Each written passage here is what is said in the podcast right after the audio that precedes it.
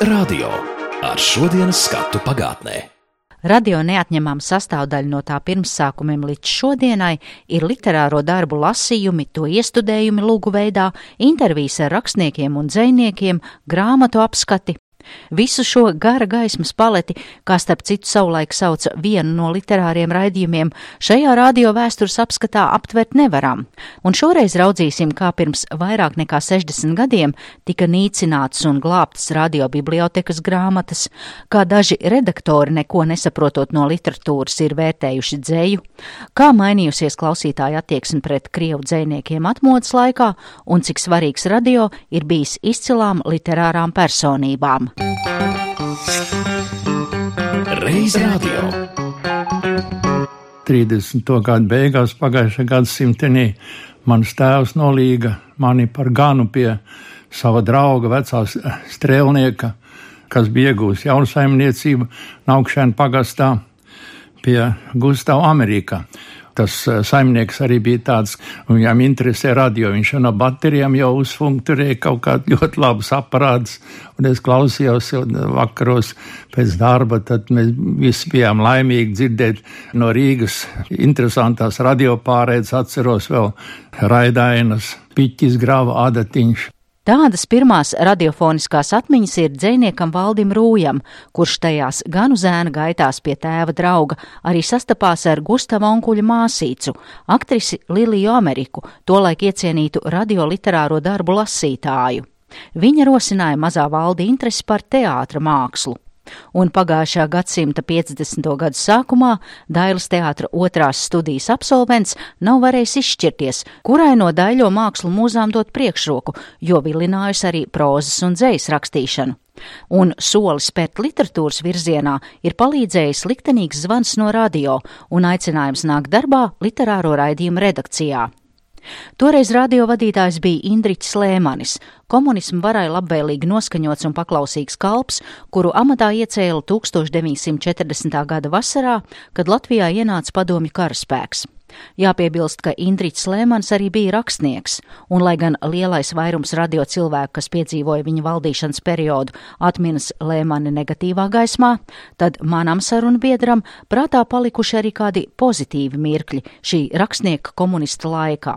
Es atceros, ka visas nāca klausīties tās literāros raidījumus literāri muzikālos, visus pirms pieņemšanas, pirms gaisā laišanas bija jānoklausās viņa lielajā kabinetā. Te viss sēdēja tur, un tad, kad sievietes uzzināja, ka viņš nevar panēst sieviešu asaras, un tad sievietes, ka viņi tad kritizē, tad tās redakcija vadītājs un nodaļa vadītājs, režisors, tad raudāja, un tad Lēmars gāja mierināt, uzsienāja konfektiem, un vajadzēja tikai pateikt, nu jūs jau biedri Lēmani toreiz tā teicāt, ka vajag tā un tā, ka es teicu tā, nu tad iemanījās un dabūja bieži vien cauri diplomātiskiem paņēmieniem diezgan tādas ciešamas pārraides. Mūsu sarunas laikā sirmais dzēnieks vēl pacienā ar humoristiskiem atmiņu stāstiem, kas lieliski raksturo tā laika iekārtas absurdumu, kad bieži vien vadošos amatos bija ideoloģijai vēlami cilvēki, kas maz ko saprata no saviem tiešajiem pienākumiem. Es vēl gribu pastāstīt par vienu galvenā redaktoru, bija Minna Karlauna. Viņa laikam bija Krievijas latvieti, varbūt simpatisks. Šeit rādio, jā. Jā, jā, varbūt simpatisks cilvēks, bet viņa bija viens anekdotu kamols.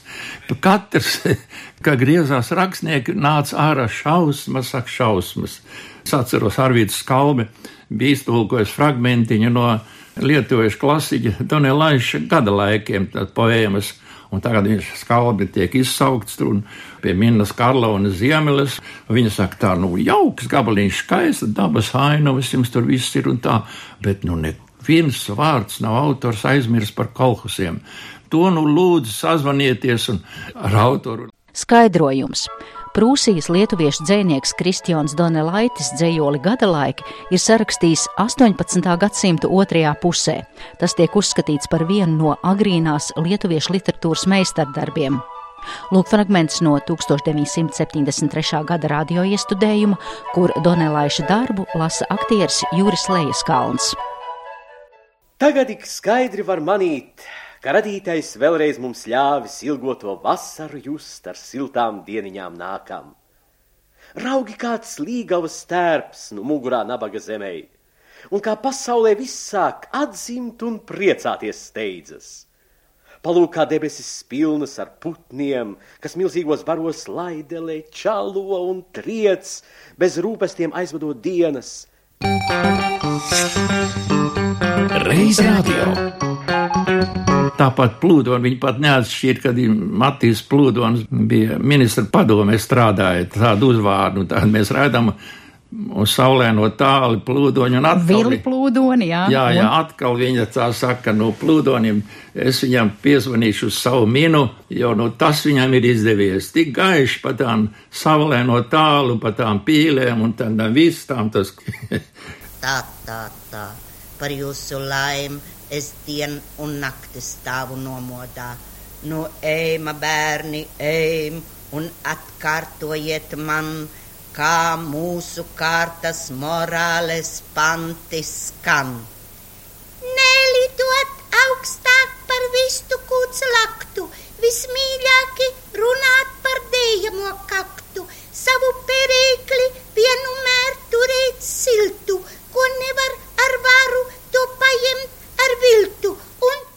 Te leģendārā skatuves māksliniece un milzuma daudz radio iestudējumu izpildītāja Anta Klīns 1960. gadā runāja fragmentu no minētā Viļa plūdoņa darba. Bet jūs arī uz šo interviju esat atnesis līdzi, kā jūs teicāt, divas relikvijas, tādas apbružātas grāmatas, un arī tas ir stāsts saistībā ar radio. Tad lūkšu jums pastāstīt. Divi dzēnieki, Valdis Rūja un Arvīts Skalbe un tās grāmatas. Jā, mums jau bija arī priecīgas dienas un bija jaukas dienas. Bet bija arī tādas drūmas dienas, un viena no tādām drūmām dienām es atceros, kad jau tika pievilktas tās ideoloģiskās siksnas un ka nīcināja ārā bibliotekas. Un mēs ar Arvītu Skalbi sēžam arī tajā mūsu redakcijas tajā telpā, un, es, un dzirdām piebrauc smagā automašīna, tāds īsti ķiļiega, tāds, un pa logiem, kur tā mūsu biblioteka bija, mēs skatāmies kādu stundu, met ārā grāmatas, sviež, tajā mašīnā, sviež grāmatas iekšā. Arvīts saka, jāskrien kaut kur samietām vienu pustopu, mēģināsim pēc tam, kad tā būs pielādēta tā mašīna, mēģināsim ar viņu to šoferīti sarunāt, lai viņš mums ļauj tur kaut ko paņemt, ka mums tur tantes dzējoļi vai kaut kas tad pazīstam vai kas vai kāda grāmata. Vēlāk noskinājām pie tā šoferi, tas tāds labdevīgs latgalies, viņš saka, ko, izsaka, ņē, vajag vēst uz musorņiku, visu un tā tālāk. Nu, es neko neredzēšu, pabrauc drusiņi garām, viņš saka, ņemiet, cik var, mums bija līdzi tie portfeļi, un mēs lasījām tās grāmatas, man sirds sita, sita Elza Stērs, Zinaida Lāzda, Strēler. Es nezināju, kuru ņemt, kuru neņemt. Daudz sev tikai draugiem iedēju palasīt, vienu otrs ir nomirs, nav, nav atdodas.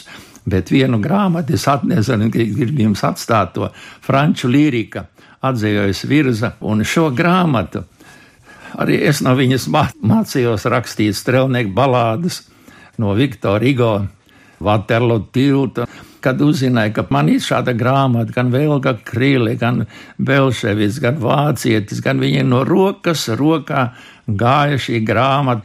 Tāpat ir rakstnieku pasvītrojumi, franču modernā lirika virsmas tulkojumā. Man ir liels prieks viņu atdot visiem radiozīmogiem. Vēl. Un otra grāmatiņa, ko es gribu atstāt, tas ir Raiņa Daugaus. Tas ir Rudzīša, Menhāda Rudzīša. Viņš strādāja kādu laiku pēc kara radiofonā. Un viņš ir veidojis ar Rešoru Feldmani tādu literāru montāžu. Tur var redzēt, kā tur īstenībā raini pārveidoja drusinu. Turpat ir rakstīts, ka dziesma beigās likt. Un, koris sarkanais strēlnieks ir, jā. jā, un te ir arī ar zīmoli rakstīts Voldemāra Feldmaņa literāri jā, jā. muzikāls uzvedums. Jā, nu, jūs mm, zelta vērtē relikvijas esat Latvijas rādio uzdāvinājis.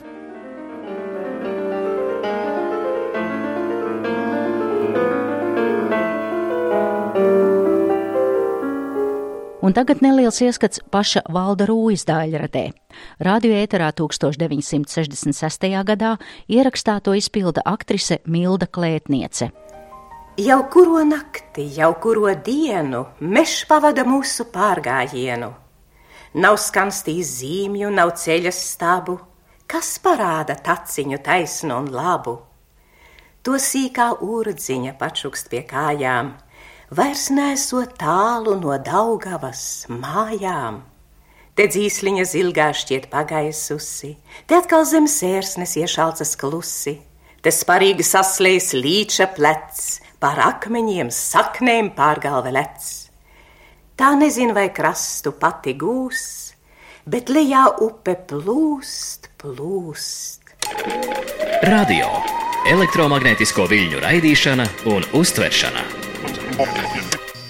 Skatot chronoloģiski tālāk literāro raidījumu tapšanas gaitas mirkļus, nonākam pagājušā gadsimta 80. gadu vidū, jo tad literāro raidījumu redakcijā sāk strādāt Liega Piešiņa.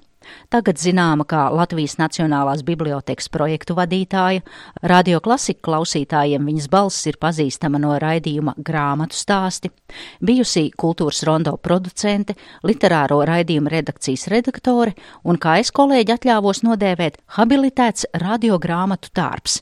Es, piemēram, noķēru sevi pie atziņas, ka, piemēram, tad, kad man ir atvaļinājums, arī tagad, ka es tajā brīdī pēkšņi sāku lasīt detektīvus. Es nevaru teikt, ka es ikdienā lasu daudz detektīvus. Nu, tā, nu, vajag tur paskatīties, vai tu saproti, vai tas tā ir. Bet atvaļinājumā man bija nu, 4-5 detektīvi noteikti jāizlasa. Kāpēc es nevaru tev to izstāstīt? Protams, ka ir diezgan sarežģīti, tad, ja tu izlasi grāmatu un saproti, ka par to nav vērts runāt, un tajā pašā laikā tev vai nu piezvana vai cilvēks no izdevniecības pajautā, nu, kāpēc tu par šo grāmatu nevēlies runāt. Es, piemēram, savas dzīves laikā laikam zinu kādas divas, trīs situācijas, kad es arī tad, kad es esmu veikusi ierakstus, es viņus neesmu palaidusi gaisā. Tāpēc es saprotu, ka, nu, ja tas nav arī ne man, ne, nevienam tas nav interesanti. Tas ir tāds jautājums, ka tev dvēseli, protams, skrāpējas, jo tu esi veicis zināmu cenzūru pats. Nu, tas tāds neatbildams jautājums īstenībā. Tāda bija Liegas kā lasītājs un kā radiogrāmatnieces vizītkarte. Bet tagad kāpjamies atpakaļ 1986. gadā, kad viņa uzsāka darbu literāri dramatisko raidījumu redakcijā, un tur līdzās ratošai noskaņai vēl pastāvēja stingra padomi laiku disciplīna, kad ikvienam raidījumam burts burtā vajadzēja atšifrējumu, ko vētīja vietējā cenzora acis tajā laikā, kad es sāku rādio strādāt, un tie ir tātad 80. gadu vidus, nu, mēs bijām pieraduši, ka mums ir pat katrs un vai bet jāieraksta atšifrējumā, un aiz šiem atšifrējumiem brīžam pazuda cilvēciskums. Un tad mēs ļoti sajūsminājāmies, vai vismaz es ļoti sajūsminājos par dzidru briedi kura sarunājās ar literātiem un kura laikā, kad visu nedrīkstēja pateikt, tomēr izvilināja, uzdrošināja un pārliecināja cilvēkus pateikt savu personisko viedokli. Nu, jāsaka, viņi arī par to maksāja, ka bieži vien nācās pārtaisīt raidījumus, kamēr viņus drīkstēja laist ēterā, bet tā bija tāda ļoti laba skola. Te fragments no 1981. gada ieraksta.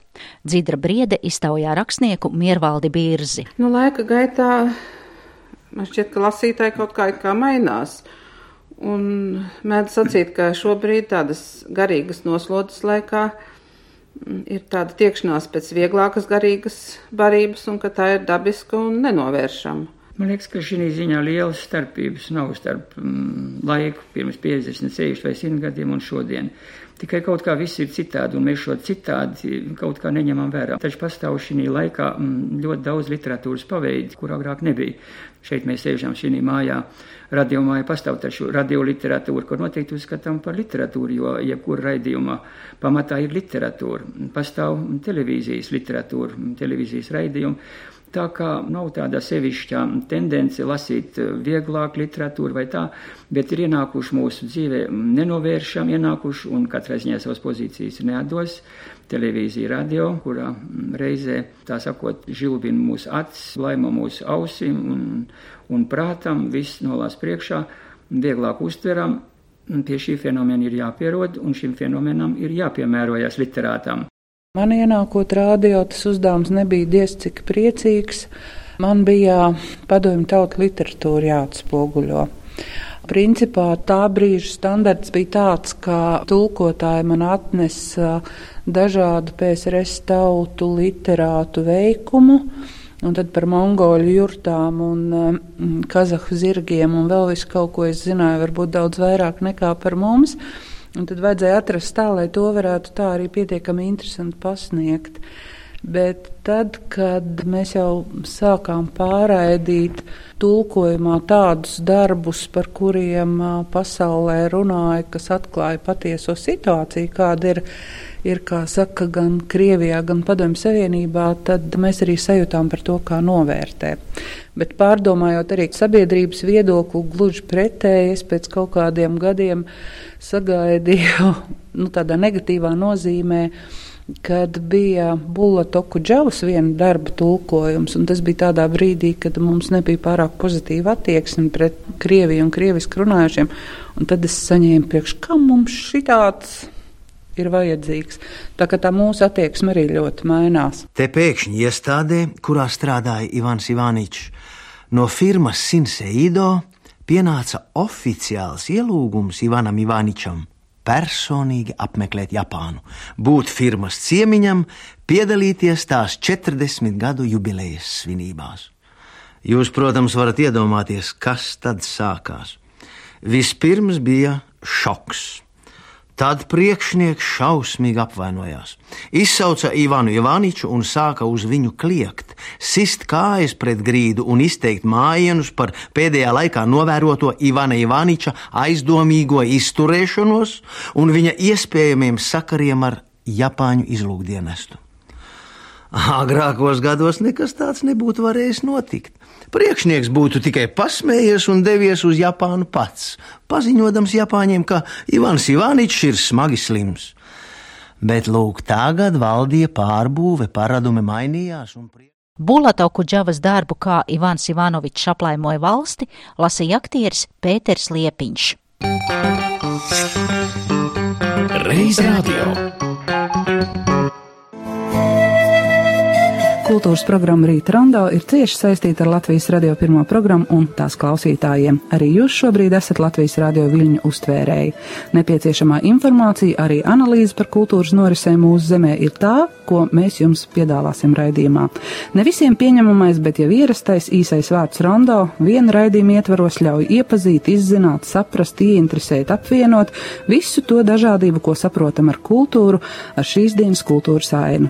Lai arī jūs sajūtat mūsu dzīves garīgās bagātības, kas izpaužas rakstītajā, uzzīmētajā, izaustajā, uz teātras skatuves izdzīvotajā un ziedu kārtojumā ieliktajā.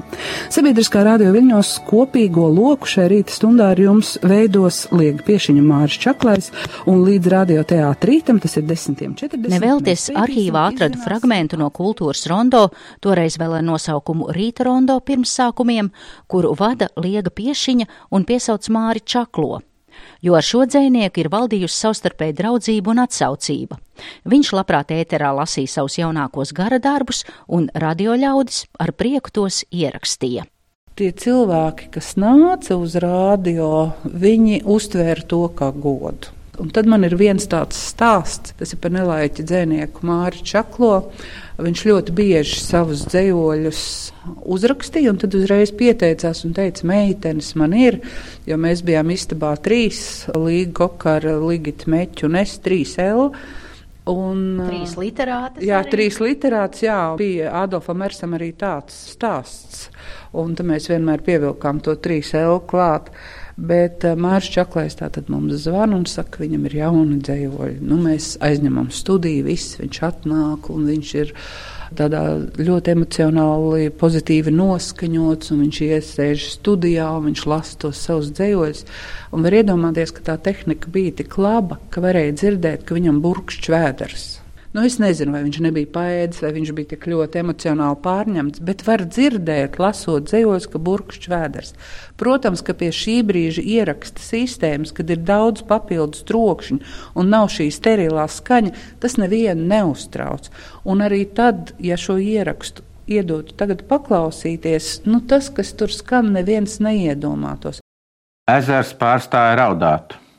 Ap ezeru sastājuši visādi skursteņa ērmi tumši zaļas un mīkstas ēnas, slimo ezeru sasāds kā bērnu, saindēti ūdeņi, sapostīta tāle, tikai zaļas un mīkstas ēnas, tikai doņu un vilku vālis. Klau ezers pārstāja raudāt, ko viņš tur dungo pie sevis. Gribu es lidot prom, dara man pastalas tēvis. Turpinot atcerēties īpašus dzeidarus, liegas atmiņā ir arī Andrejs Eglītis. Man ir vēl viens tāds brīdis, ļoti emocionāls, kas ir saistīts ar Andreju Eglīti. Laikā, kad trimdes latvieši un tieši literāti arī daudz brauc atpakaļ uz Latviju, kad viņi atbrauc, viņi vienmēr tika uzaicināti arī uz rādio. Un tajā reizē bija tā, ka man kolēģis Rēns Admīdiņš bija lūdzis aizbraukt Andrejam Eglītim pretī uz lidostu. Es sagaidu viņu, mēs iekāpjam mašīnā un sākam runāt, bet tik leģendārai personībai. Es pat tā kā nepieteicos, kas es tāda esmu un ka man vajag, es saku, jā, man kolēģis palūdz to izdarīt. Un viņš man vienu jautājumu uzdod, otru jautājumu uzdod, mēs tur tā izrunājamies. Vienā momentā viņš man sāk uzrunāt vārdā. Un es tagad tā, tā domāju, es taču viņam nepateicu, kā mani sauc. Un es viņam saku, es saku, bet kā jūs zinat, ka es esmu lieka? Viņš saka, bet es taču klausos rādio, es visas jūsu balsis pazīstu. Tas, protams, bija ļoti liels gods. Zeme mums kā dieva galds, svētais vakarēdienas prieks, un es baudu maizi vīnu, mūžam būdams dievgaldnieks. Zeme mums kā dieva galds, visiem klāts pa telpu lielo, un es priekā slauku vaigu, kad tā pilniem traukiem mielo. Ar šo 1992. gadā ierakstīto Andreja Eglīša dzējoli arī izskan šis raidījums. Tajā dzirdējāt dzējnieku Valdi Rūju un bijušo literāro raidījumu redaktori un vēl esošu raidījuma grāmatu stāsti veidotāju, Latvijas Nacionālās bibliotekas projektu vadītāju Liegu Piešiņu. Ar viņiem sarunājās un raidījumu veidoja Zane Lāce. Reiz radio.